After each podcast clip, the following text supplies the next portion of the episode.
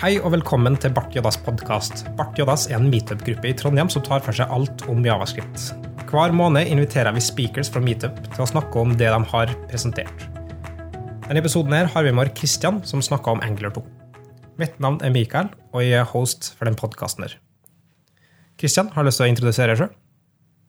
Ja, jeg heter Kristian Trygstad og jobber til daglig i et firma som heter Akando. Det er et konsulentfirma, og der blir jeg som regel sendt ut på forskjellige oppdrag. Eh, vanligvis frontend-oppdrag, eller egentlig full stack. Eh, og jeg er ganske fornøyd med det. I tillegg har vi med Marius som produsent og medhost. Har du lyst til å introdusere deg sjøl, Marius? Ja, hei, mitt navn er Marius Krakli. Tilfeldighetene skal ha det sånn at jeg òg jobber i Akando. Og akkurat nå sitter jeg og jobber med Angler, så da var det fornuftig å bli med og prate denne gangen for en gangs skyld. Da passer det ekstremt fint eh, at vi skal snakke om engler nå, ja.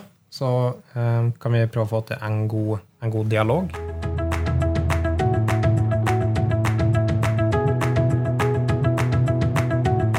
Jeg har lyst til å starte litt egentlig på, på fundamentet, eller eh, helt, helt det grunnleggende som ligger bak Angler, og som tenker litt på hva, hva de faktisk uh, står for, hva slags filosofi har det, eller uh, hva er liksom grunnprinsippet til Angler?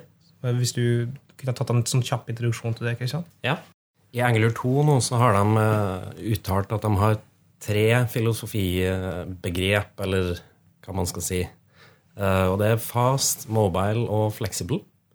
I tillegg så fortalte de på min presentasjon at vi kan egentlig slenge på en til, som da er modern.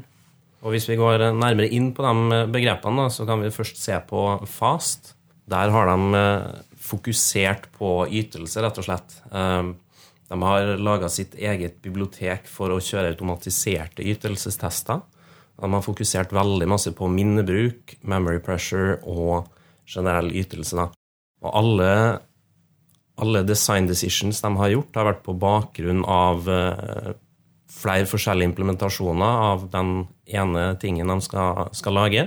Så har de valgt den, den raskeste, egentlig. Da. Så AB-testa på en måte utviklinga av rammeverket sjøl.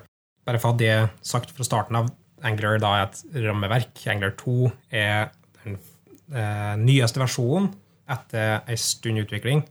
Det stemmer. Um, for at Angler i utgangspunktet kommer fra 2009, tror jeg. Og første versjon kom ut.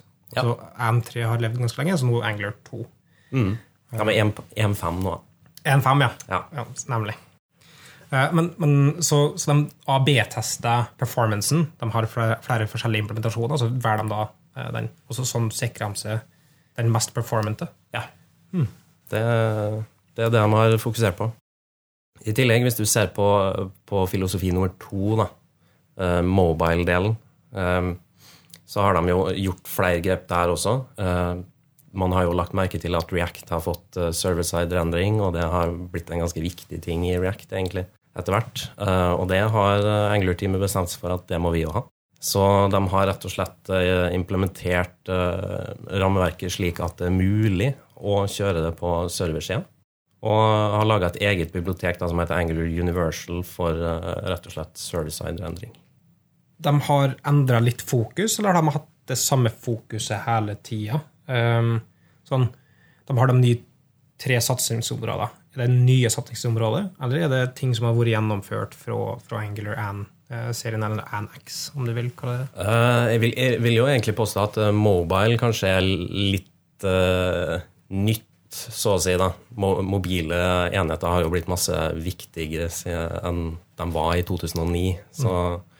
Så, nå har de på en måte fokusert veldig masse på det. Eh, fast har jo alltid vært viktig. Ja. Uh, og fleksibel, det, den har jeg jo ikke snakka om ennå, men uh, det er vel kanskje Det er jo egentlig nytt, det òg, sånn sett. Mm. Men, uh, vi kan gå litt inn på på de forskjellene som er fra, fra Angular 1 til Angular 2, uh, som vi beveger oss inn på nå. At uh, Flexible har de ikke nødvendigvis hatt eh, hele tida, som du sier, for de hadde et stort rammeverk. De, de hadde en sånn eh, komponenter for alle slags mulige ting, eller moduler, eller kall det hva du vil, mm. for å håndtere det meste. Men nå sier du at de har et eget bibliotek for den universal eh, Universal-delen, altså serversideendringer. Ja. Er, det, er det en trend du ser nå generelt med Angular, at de, at de splitter ting opp, eller? De har jo alltid eh, splitta det opp i forskjellige eh, pakker, egentlig MPM-pakker. Så, så hvis du ikke var interessert i ruteren i Angular 1, for eksempel, så trengte du ikke å laste inn den i det hele tatt. Ja, det er greit nok med rutere og sånne ting, men de hadde fortsatt eh, en, en måte å ha moduler på. De hadde um, services. Du hadde egen HTTP-modul. Altså du, uh, det var ikke sånn at du um, hadde, kunne gjøre Ajax på sida, men de hadde sin egen HTTP-modul som du skulle bruke. Ja.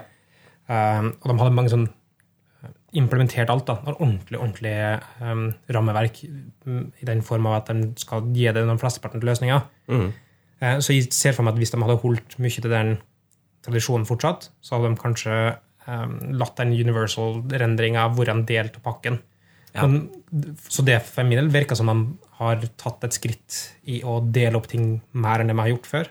Ja, de har jo egentlig et eh, stort fokus, bl.a. blant annet som del av den mobile-strategien deres. Eh, Og så har de stort fokus på at, at man skal levere minst mulig payload til klientene, altså brukerne av nettsida.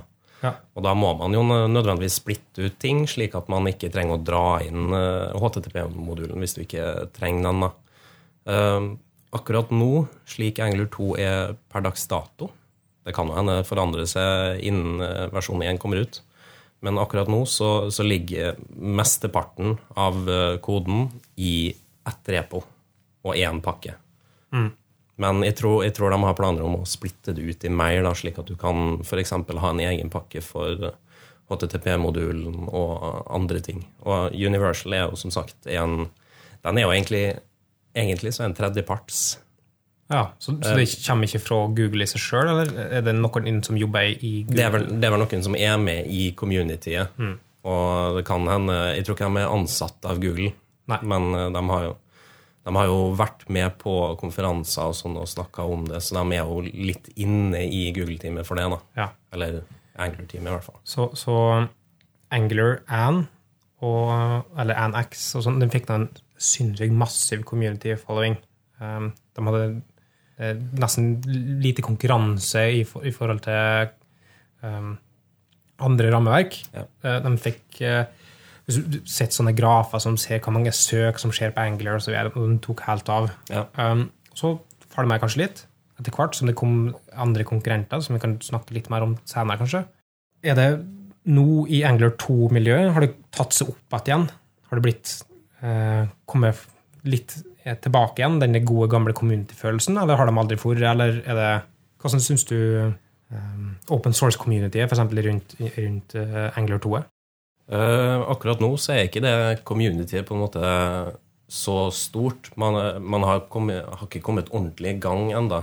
enn så lenge så er det stort sett uh, dem som har vært med på Angler-teamet tidligere, eller Google-ansatte, som har committa ting til Angler 2-repoet. Men uh, vi ser jo det at flere og flere begynner å ta det i bruk, og flere og flere kommer med issues og pull requests i tillegg. Men uh, det er så mange av dem akkurat nå at jeg tror de har litt problemer med å ta unna. Så vidt jeg har uh, fått med meg, så har de egne sånn merge meetings, der de sitter i lag og går gjennom pull requests som en møteform. Og folk har liksom jobber i Google som sitter og, og håndterer de issues og pull requests. Ja. Um, som er en sånn interessant strategi å kjøre. Kan jeg, man må gjøre det når de er med på den størrelsen som de er i. da, vet ikke. ja, det er godt mulig. Men hva andre sånne store um, I ganske grove trekk, eller sånn overordna store forskjeller er det fra 1 til 2? Um, kanskje en av de store forskjellene fra 1 til 2 er jo at de har skrevet Angler 2 i TypeScript. Fra bunnen av. Alt er skrevet i TypeScript, og så er det også skrevet i Dart i tillegg. Det er skrevet i Dart parallelt? Eller det er sånn noe er skrevet i Dart, noe er skrevet i TypeScript, og så møtes de på den transpilerte delen? Altså den konverterte til ren javascript? Eh, For å si det helt rett, så har de vel De har skrevet alt i Dart, men så har de sørga for at det kan på en måte kompileres både til Dart og Javascript. Så de har enkelte filer som er sånn Dart only, Javascript only. Ja. For ordens skyld, Dart er da et språk som, som Google sjøl laga. Og, og kan hende at jeg husker feil, får noen arrestere meg på det, men jeg tror de har bygd inn litt i nettleseren sin, sånn at den kan kjøre Dart-kode, eller var det noe de eksperimenterte med? Det er ikke sikkert du vet det. det var bare en tanke som Nei, jeg er ikke helt skråsikker på det. Jeg tror det skulle komme støtte i Chrome, i hvert fall, men om jeg vet ikke om den har kommet så langt at den er faktisk inne der. Da er det en union mellom Microsoft og Google her, da, egentlig. For TypeScript, som vi snakka om forrige episode, er en del eh, blir brukt i lag med, med Angler. Men, det, men ikke, du trenger ikke å bruke det, eller? Nei, det, det er jo en del av den fleksible strategien deres. da. Eh, og det er jo at de, de mener at eh, Angler 2 skal være mer en plattform enn et rammeverk. Og i det så legger de det at du, du kan bruke flere forskjellige språk når du skriver applikasjonen din. Og eh, de språkene som er støtta akkurat nå, så er det vanlig JavaScript, altså ES5. Og så kan du bruke ES6, helst. Også i tillegg så kan du bruke TypeScript eller Dart. Så du har, eh, du har fire forskjellige du kan eh, velge mellom. da. Hva slags um, Er det sånn at du gir avkall på noe hvis du ikke bruker TypeScript? Eller hvis du ikke bruker noe? Hvis, hvis jeg skulle skrevet det i ren implementert standard, ikke nødvendigvis standarden, men implementert eh, ES5, da, som er egentlig det gjeldende, pluss noe API. Altså her. Er det noe å gjøre avkall på, da? på en måte? Um, Eller hva får jeg for å få det i TypeScript utenom gevinsten til TypeScript i seg sjøl? Ja, det, eh, du gir egentlig ikke avkall på så masse, da. Eh, Forskjellen mellom TypeScript og E6 det er jo det at du får, du får jo typinga og hjelp i eh, ideet ditt mens du Ja. skriver. Eh, Men bortsett fra det, så er det eh, akkurat nå så er det kun dependency-injektoren som er litt forskjellig. For mm. TypeScript outputter noe metadata som Angler kan bruke. Og det gjør at koden din ser litt penere ut i TypeScript enn det gjør i E6. da. For da funka det på, på, på, på um, samme måte som f.eks. i Java med, med dependency injection og construction injection, der de ser på typen til parameteret, Ja. og så injekter det der, da. Mm. Okay. Så jeg føler vi må um, snakke litt om, om kanskje det som er største, uh, største kontroversen i Angler, og som gjorde at det kanskje communityet stagnerte litt og, og gikk i, i fritt fall på mange måter. Mm. For når de først introduserte Angler 2, at det skulle komme, Ja. så forsto jeg slik at de sa ok, vi deprecater N3, og så er det ingen migration path. Mhm. Um, Da tror jeg du har misforstått. nei, altså Det har kommet nå i ettertid Ja. at jeg fikk en migration path. Men det var liksom Internett eksploderte Ja. og sa ah, hvordan skal vi kunne stole på det her, hvorfor skal vi sitte og skrive når det ikke var en sånn migration path? Og tror jeg det har kommet noe i ettertid at ja, ok, vi ser dere var ikke særlig fan av det her. Eller eh, har de fabrikkert hele historien i hodet?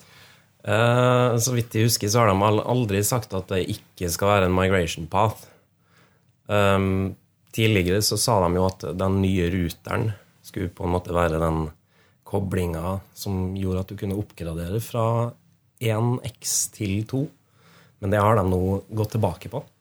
Så eh, nå, har du, nå har du egentlig flere forskjellige muligheter avhengig av eh, hva du vil eh, oppnå. Da. Om du vil gå over til Angler 2 med en gang, eller om du vil på en måte sakte oppgradere Angler 1-appen din til den er eh, ganske likt en Angler 2-app, og så kan du gå over.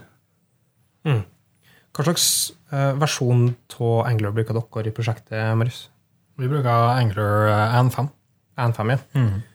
Har dere noen planer om å oppgradere til to, eller ser dere noen sånn forutsigelig framtid der det kommer til å bli oppgradert, eller er det sånn at dere er gravd ned i N5, og så er det så stort at eh, det ikke gir nok gevinst å gå opp til to, eller hva, hva er planen deres? vet du? Altså, Jeg tror nok ikke at vi kommer til å oppgradere N5-applikasjonen vår. Men det er jo stadig nå eh, så prøver vi å finne ut hva gjør vi med det vi skal utvikle som er av andre applikasjoner. Der må man jo nå ta et valg mellom Angler og, Ja. Så, og Angler 2 og React. så ny utvikling. Ja, så, så kun nyutvikling, egentlig.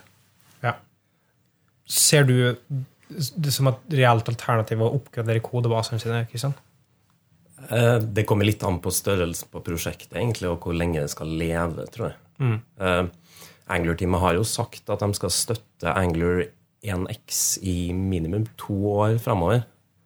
Uh, og jeg regner jo med det at communityet kommer til å ta over etter den tid. Altså etter at Google offisielt har slutta å støtte eller lage nye features og sånt i, i Angler 1. da. Så, så altså, det er ikke noe krise om du blir værende på Angler 1 heller. Um, men hvis du har en veldig langtlevende applikasjon, så kan det jo være en idé å oppgradere etter hvert. da.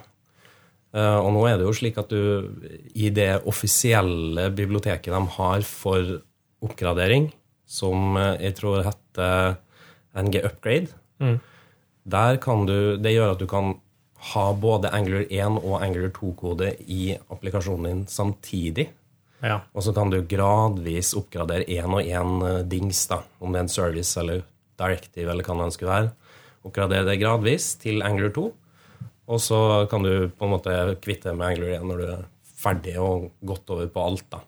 Men, men det er ikke en sånn oppgradering, permanent oppgradering. Det, ikke, det finnes ikke noe, for eksempel en, en, en code mod, om du vil. Altså som, som, som, eh, jeg vet ikke om du er kjent med code mod-begrepet, men, men det er eh, essensielt gjør om eh, koden din til et abstract syntax 3, altså AST, og så endre på den AST-en til den nye koden, oppgraderte koden, og så pakker den igjen tilbake til vanlig kode.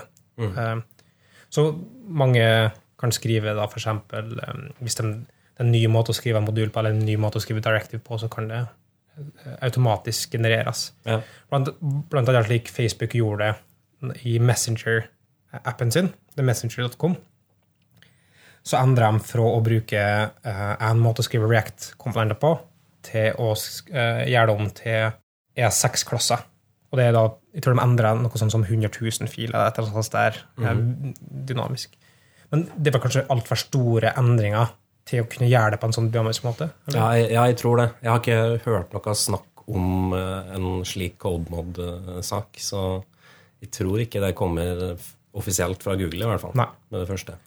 Nei, ser egentlig for meg at, at det er som, sånn fundamentale endringer i måten du skriver Angular på, at det kanskje ikke er sånn end-to-end-forhold mellom mappinga der, da. Ja, Nei, det vil, vil nok ikke være det. I hvert fall ikke hvis du har eh, skrevet Angular, på en eh, Angler 1 da, på en ikke 100% optimal måte. Ja. For det er mange måter å skrive det på. Du kan på en måte skrive det på, på din personlige måte. Det er, ikke, det er ikke sånn at den låser det fast. Ja, det er jo en av, eh, har jo blitt egentlig en av hemskoene til Angler 1 eh, i det siste, at det er så mange måter å gjøre ting på. Ja. Og best practice har liksom forandra seg hele tida. Og det er mange som har masse spagettikode eh, rundt omkring der, tror jeg. Som da blir vanskelig å oppgradere, med mindre du eh, på en måte oppgraderer Angler 1-appen din til en mer sånn best practice-måte først. da. Ja. Ingen, på ingen måte en sånn erfaren Angler-utvikler, men første appa jeg skulle lage med Angler, var ekstremt høy terskel å gå inn. Det er mange konsept å graspe, eh, og det fantes ikke noe noen god best practice. Um, hva som tror du, Sammenligna med eneren til toeren nå, eh, har de flata ut den, den eh, Ja, bratte læringskurva? Angler 2 er jo masse Enn så lenge i hvert fall så er det et masse enklere bibliotek eller rammeverk.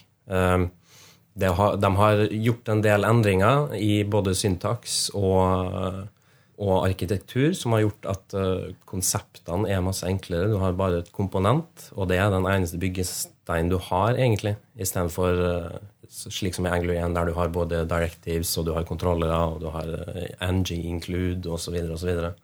Du har factory og service. Ingen vet forskjellen på dem, men man bruker en av dem. Uh, og, og Angler 2, dem, der tar man jo i bruk eh, E6, egentlig. E6-klasser, E6 imports, som har gjort at du blir kvitt alt det der med angler.module, uh, angler.directive osv. osv. Du trenger ikke det greia nå lenger. Og I tillegg så har de kvitta seg med masse av de der innebygde direktivene de hadde fra før av, sånn ng-click osv. Fordi at den nye syntaksen, den, den er så masse mer optimal. Så, så du jobber egentlig mot eh, native javascript istedenfor å native javascript eh, eller DOM, events og properties. da. Mm. Vel, med fare for å kaste ut en, en, en brannfakkel, for det som har vært tradisjon med Angler, er at de skulle løse alle problemer sjøl. Det er i hvert fall det inntrykket jeg har satt meg. Uh, ja, det kom i 2009, så det er en stund siden. Det fantes ikke noe sånn god eh, modulstøtte. Ja. Eh, sånn Node JS kom først i 2009, det òg. Mm. Common JS og, og Browserify og sånne ting kom ikke før utpå Jeg vet ikke. Vilt eh, tar det i mørket, men 2011-2012, kanskje. Ja. Så de, de hadde ikke noe ordentlig modulsystem. Det fantes vel kanskje noen løsninger med Require JS og, og AMD, altså Async- Asynchronous Module Definitions. Men, men de valgte å heller løse det på sin egen måte. Eh, og de har da sånn factories, de har sånn directives, mange sånne fremmed konsept, og ikke nødvendigvis idiomatisk javascript. Altså som um, javascript funka vanligvis. De introduserte mange egne konsept. Ja. Og litt av kritikken um, som, som, jeg har, som jeg har sett, og som jeg tenker sjøl òg, for så vidt, er at det virker som at Google har sittet med sykt mye Java-kompetanse, og sittet med 3000 ingeniører som kan Java, og sett på Javascript og tenkt hvordan kan vi få dette her til å ligne litt mer på Java? Ja. Men nå virker det som de kanskje da har gått retninga til å gjøre det mer idiomatisk. Sånn at de bruker egne moduler. Eller altså de bruker eh, ES6-moduler, eller som i bunn og grunn blir ned til enten CommonJS eller whatever eh, webpack, hva du vil. Ja. Um, og de har kutta ut factories, som kan, er et forholdsvis fremmed konsept i javascript i utgangspunktet. Factories, sant? Ja. eh, services og sånne ting. Og det, det, det fordrer litt sånn layered architecture-type, alle de navngivingene. da. ja. Men de har fortsatt services, kanskje? eller? Tja, altså du har jo eh, Du kan lage services i hermetegn sjøl Ja. fremdeles, men eh, nå er det jo bare en helt vanlig E6-klasse. Ja. Eh, og den fòrer du inn i dependency-injektoren, og så lager den uh, singleton eller transient-instanser instans av den, da, avhengig av hvordan du konfigurerer opp uh, DI.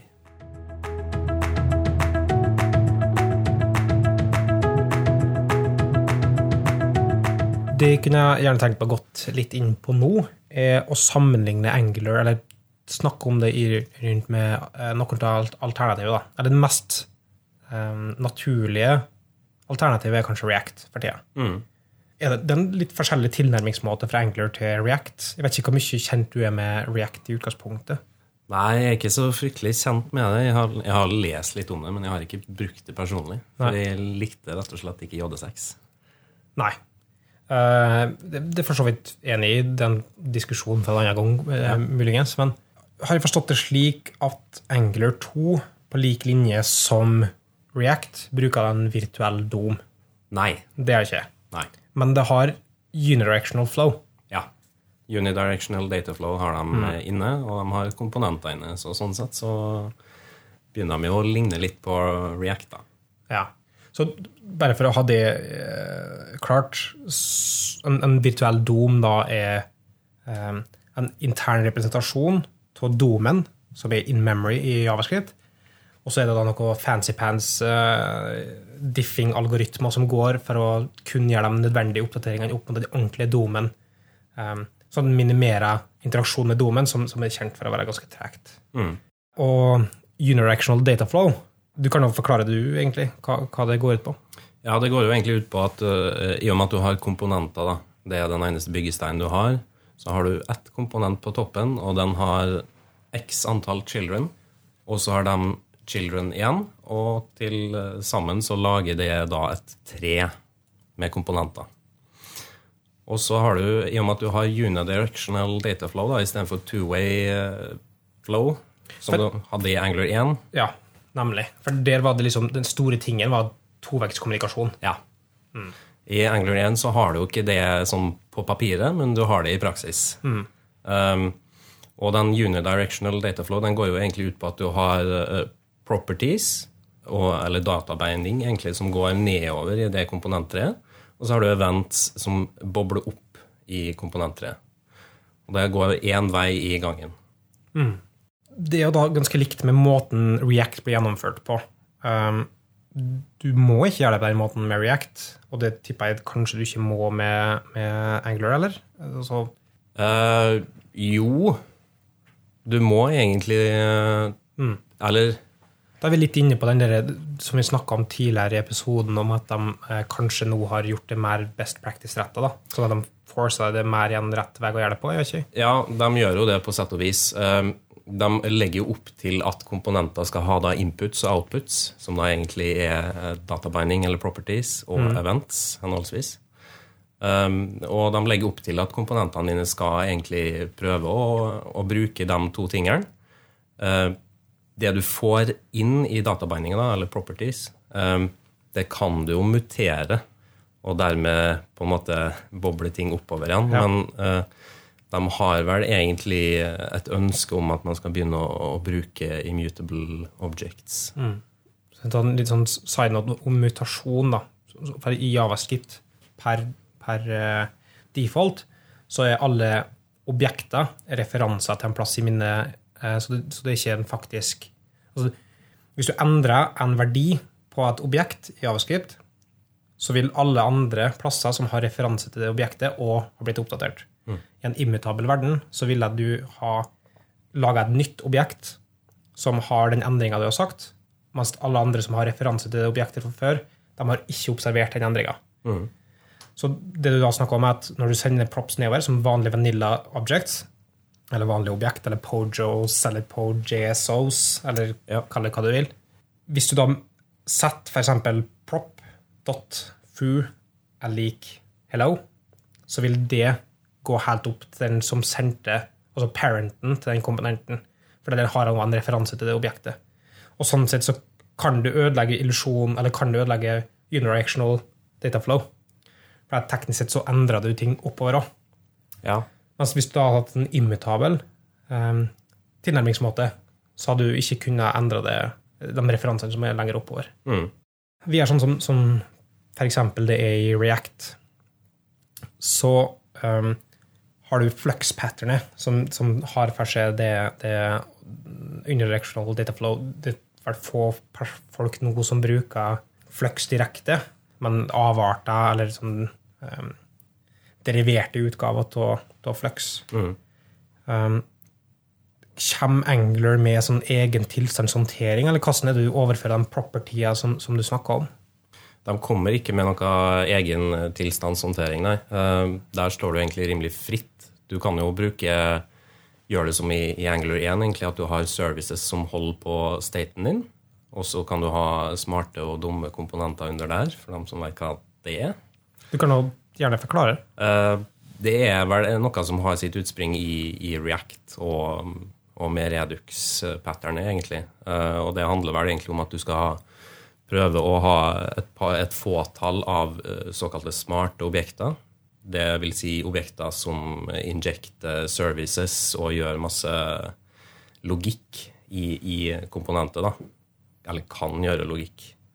Um, og så har du en rekke dumme komponenter under der igjen, som da er children, og de har kun inputs og outputs. Og eller kommuniserer da ved å få endringer dytta til seg, og ved å eh, emitte events oppover igjen til det smarte komponentet, som tar seg av eh, logikken da, med å kommunisere videre til en service som kanskje kommuniserer med en server, eller Så, sånne dumme komponenter er ofte da kalt f.eks. rene komponenter eller rene funksjoner. For De har ingen bivirkninger, men de får kun en input, og så gir de en output. Eh, og de har liksom ingen konsekvens utenfor det. Ja. Du nevnte på, på meetupen eller presentasjonen din at dere bruker Redux i lag med Angler. Først og fremst, Bruker dere Angler 2 på det, eller er, er det aktivt bruk i prosjektet? Ja. Vi, eh, vi starta på et prosjekt i eh, august-september i, i fjor, da. Og vi gikk aktivt for Angler 2 allerede da.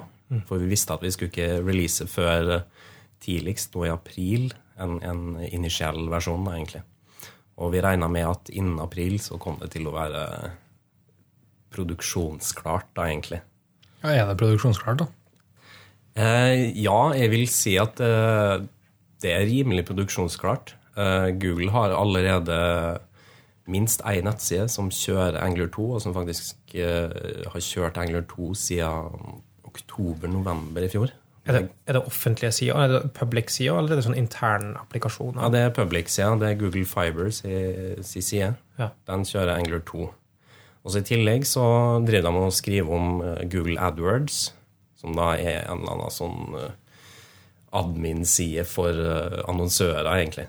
Og det er jo en ganske viktig del av Google sin butikk, må vi si. Det er et ganske stort produkt, og det skal nå komme med en Angler 2-versjon. Og det skulle egentlig komme i løpet av Q1 nå i år. Eh, Det tror ikke de rekker. Da er i morgen er over. Men eh, det er jo lov å håpe på at de kommer innen eh, rimelig tid, da, i hvert fall. Så hva tidsperspektiv snakker vi? Hva, hva tenker du om rimelig tid? Altså?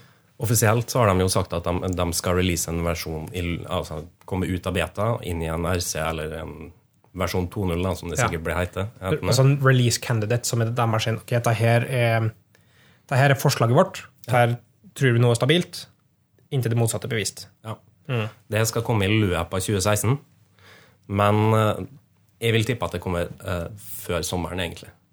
Ja. Uh, de har allerede laga en milestone på GitHub-prosjektet sitt, som da heter Release Candidate. Og det er da såkalte blockers, da. Issues de må fikse før de kan gi ut den RC-en. Og de har sagt at når den er 100% ferdig, da releaser vi.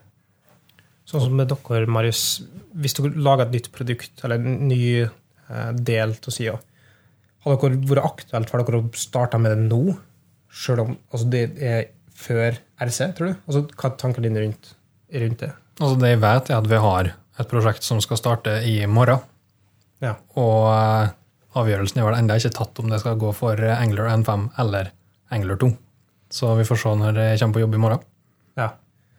Nei, for, hvis vi ser litt igjen med, med React før vi um, snakker litt mer om Redux, som vi egentlig begynte å skulle snakke om, eller i hvert fall prøvde å introdusere, før vi deraila litt. Men React har vel heller aldri hatt en sånn annual release. Nei. Nå har de en RC ute på 15, så, så det de gjorde, er at de så at de brukte minor version som major version. Det er teknisk når det gjelder Sember, som er en liksom, versjonerings, uh, versjoneringskonvensjon som blir brukt på frontend-biblioteker som regel. Men hvis du er pre-E0, så skuer alle de versjonsnumrene seg, sånn at det som står i meta, f.eks. hvis det er 0.14.0, så tas det 0.14 som en major i stedet for en minor. Det vil si at Kan du bumper fra 14, eller 0.14 til 0.15, så kan det være en breaking change. Mens hvis du er over versjon 1.0, så er er en minor release, altså f.eks. fra 1.14 til 1.15, da er det kun um, API additions, ikke noe breaking. Mm. Um, men, det, men det React så at de gjorde, at de bare eh, De brukte det som major uansett. Så derfor bare skrur de det opp, sånn at de gikk fra 0.14 til 0.15. Eller skal gå fra 0.14 til 15. Men nei. Så, så eh, det vil aldri bli en React A0. Mm. Eh, For at de ser da på en måte at versjonsnummer er mer en sånn teknisk sånn, Det er rel, det relative forholdet mellom dem som er viktig, ikke nødvendigvis hva tallet er i seg sjøl. Mm. Så folk har nå brukt React før E0 kjempelenge i, pro, eh, i produksjon. Mm. Så vi ser ingen grunn til at en ikke skal på en måte kunne begynne å bruke Angular 2 nå, eller? Nei. Det eneste er at du må, du må gå litt i bresjen. da. Du må, må kanskje løse ting litt sjøl, for det er ikke så mange som har gått den veien før det og faktisk løst lignende problemer. Ja. Det vil nå gjelde uansett om det har vært Om du har starta når det har blitt lansert to. Og da. Ja, ja. Det så, så det er på en måte Det er en sånn early adapter. Det er Mm. greit nok, men det er ikke noe med Altså, det kan da anses som stabilt nå, ja, tenker jeg. det, det vil jeg si. Så tilbake til det med Redux igjen. Dere bruker da Redux til tilstandshåndtering i Angler 2. Selv om mange kanskje ser på Redux som en reacting, så er det ikke nødvendigvis det. Nei, er det er jo bare et pattern, egentlig. Uh, som også har en, et bibliotek som er implementasjonen av det patternet. Men eh, i Angler 2 så står det jo egentlig fritt til å bruke den state-håndteringa du vil. Eh, Du kan jo gjøre det på den Angular 1-måten med å lagre ting i services. Men du kan også bruke enten Flux eller Redux eller hva nå enn som skulle komme i morgen. Um, og med Redux da, så er det jo egentlig en fordel i Angular 2, kanskje, at du bruker Redux med RxJS, som da er en tredje ting. eh, som da egentlig er observables. Hvis man kjenner til eh, eh, Object Observe, som var en ting som skulle komme i ECMAScript, så ble det, det ble forkasta, men observables er da en, en slags polyfill egentlig for det der, kan man si på én måte. Jeg er ikke over helt enig i det. Altså, eh, Object.observe var en, en implementasjon, en, en forsøk på å optimalisere for uh, toveggs databinding på den måten som, som Angler brukte det på. De så at ting gikk vekk fra eh, toveggs databinding. Um, så, så derfor er det ikke lenger behov for det, så det ble rett og slett bare forkasta. Mens observables, sånn som i RX-forstand, handler mer om å håndtere asynkron dataflyt som strøm av, uh, av informasjon. Sånn at jeg ville ha sagt at RX eh, handler om å abstrahere bort tid fra asynkrone oppgaver og gir det muligheten til å, å håndtere en serie med eventer som vanlige lister. Ja. Så for eksempel, du kan sippe to eh, observables. Observables er da bare eventer som skjer over tid. For eksempel museklikk, museklikk, museklikk. Så kan du merge det, eller sippe det inn med tastaturklikk, tastaturklikk, tastaturklikk.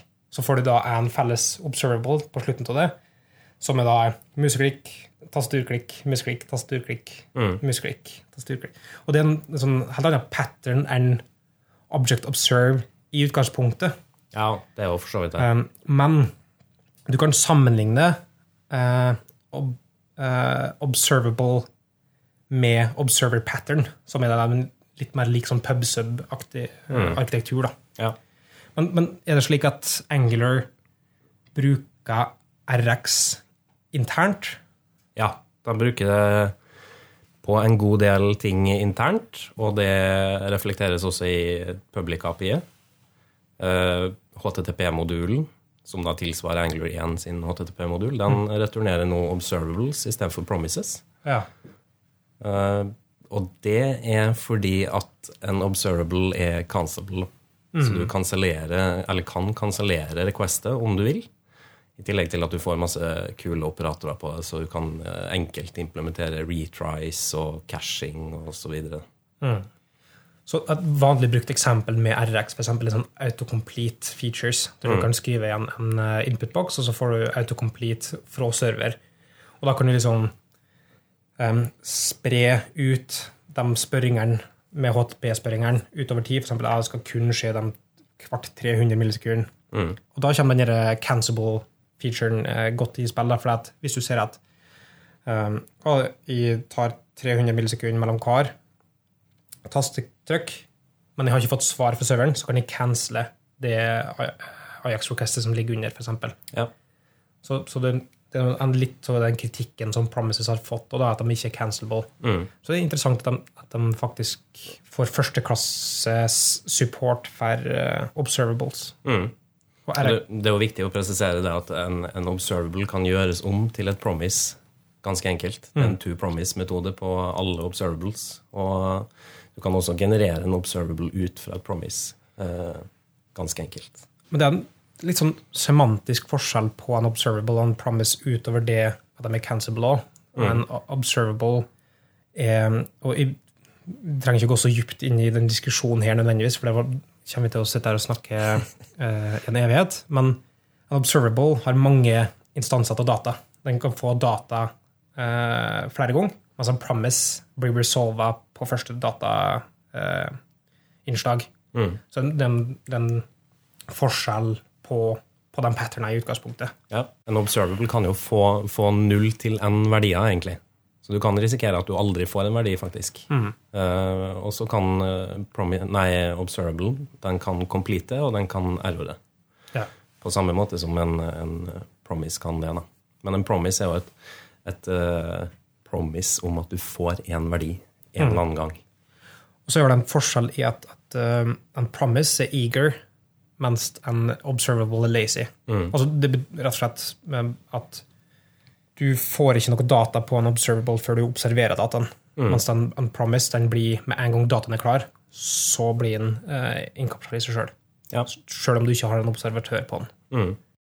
En annen ting som jeg tenkte på når jeg så presentasjonen din, var det utstrakte bruken av decorators i, i um, Angular 2. Decorator da, er en, en stage null proposal, som det heter. Så det er noen som har foreslått det, at det kan inn i standarden eh, til ECMAScript, som er liksom den standard overhodet til, til, til JavaScript som er implementert på. Mm. Eh, Stage 0 betyr at det har ikke blitt en del av standarden. Det er først når du er i stage 3, så er det eh, snakk om at det skal bli inn i, inn i standarden. Så før det er inn i standarden, før det er en del av spekken, så er det ingen lovnader om at den eh, trenger å overholde noen slags bakordkompabilitet. Mm.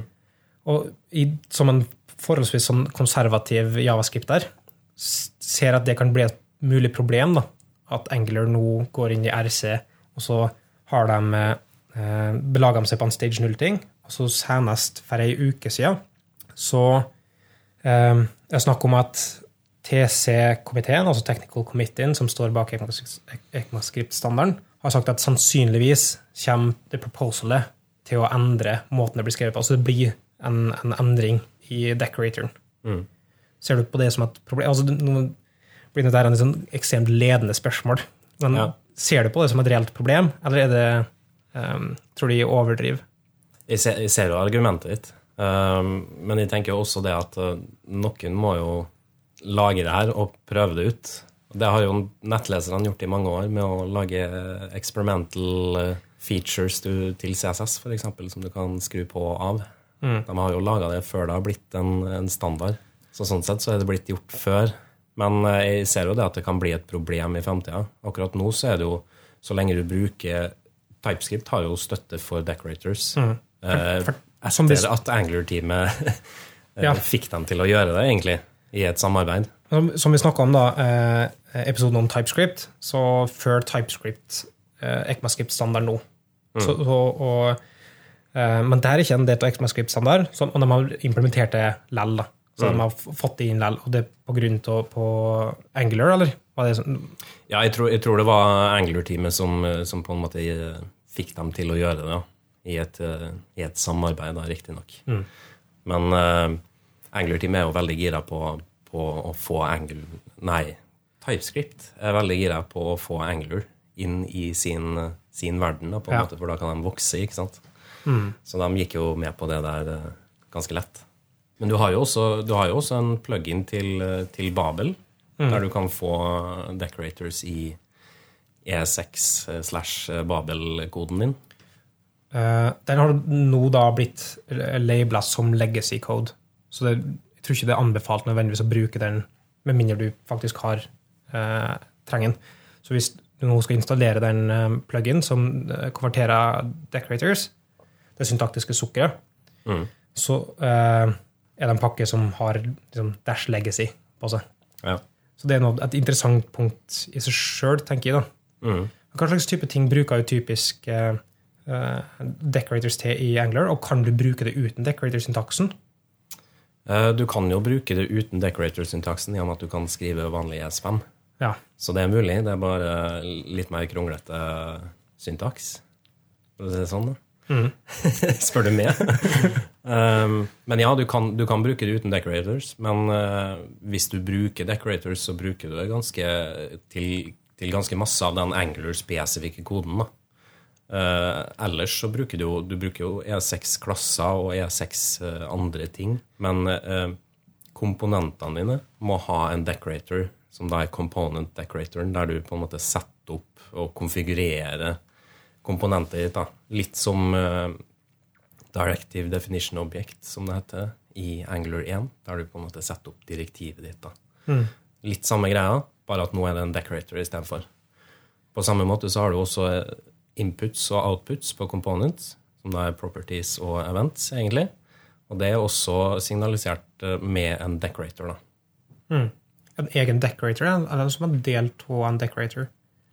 Ja, altså du, du må, Når du lager et felter i, i TypeScript-klassen din, så Ja. kan du ha felter.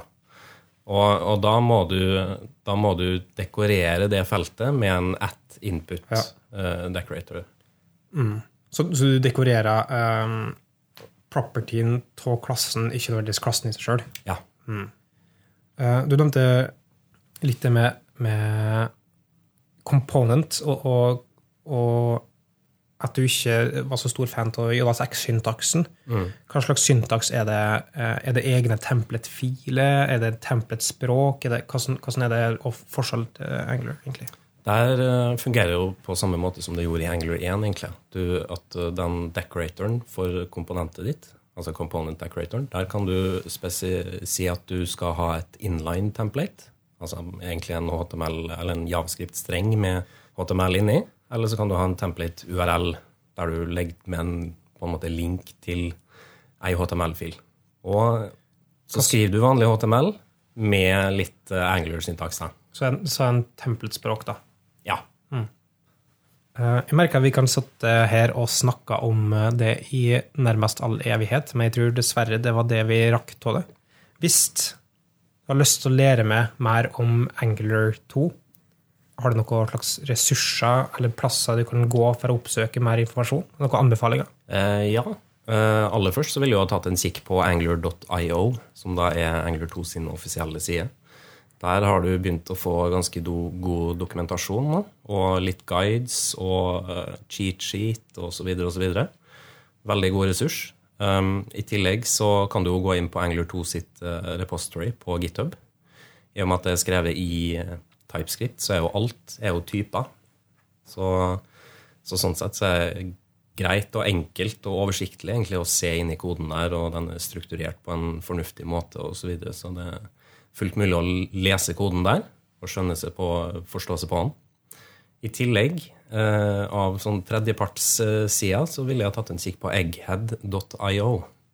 Den er veldig bra eh, nettside for eh, små videosnutter, egentlig. Og de har en Angler 2-serie som de ga ut for en god stund tilbake. da. Så jeg kan ikke garantere at den er helt up to date sånn syntaksmessig sett nå lenger.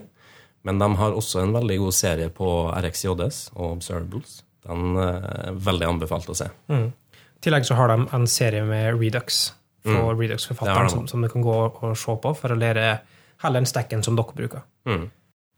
Hvis noen har et spørsmål til det, Kristian, har, de en, har du en Twitter-handle folk kan nå det på, eller e-post, eller hva vil? Det har jeg. Eh, Du kan nå meg på eh, Twitter-handelen at Larifax.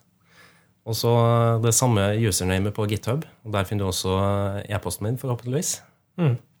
Og så skal vi legge ut de slideren som du brukte på, på meetupen, sånn at folk kan se litt oppsummert der. Og så er det en del eh, kodeeksempel som du, som du brukte der. Mm. Der, dem kan du faktisk kjøre rett i nettleseren din og eh, skrive om på koden hvis du vil det. Så det er veldig anbefalt å se på det. Kult. Marius, en eh, Twitter-handle som folk kan kontakte på hvis de har noen spørsmål om, eh, om showet, eller eh, generelt? Ja, hvis folk er glad i dataspill, musikk og en eh, programmeringsspøk i ny og ne, så kan de finne meg på ett krakels på Twitter.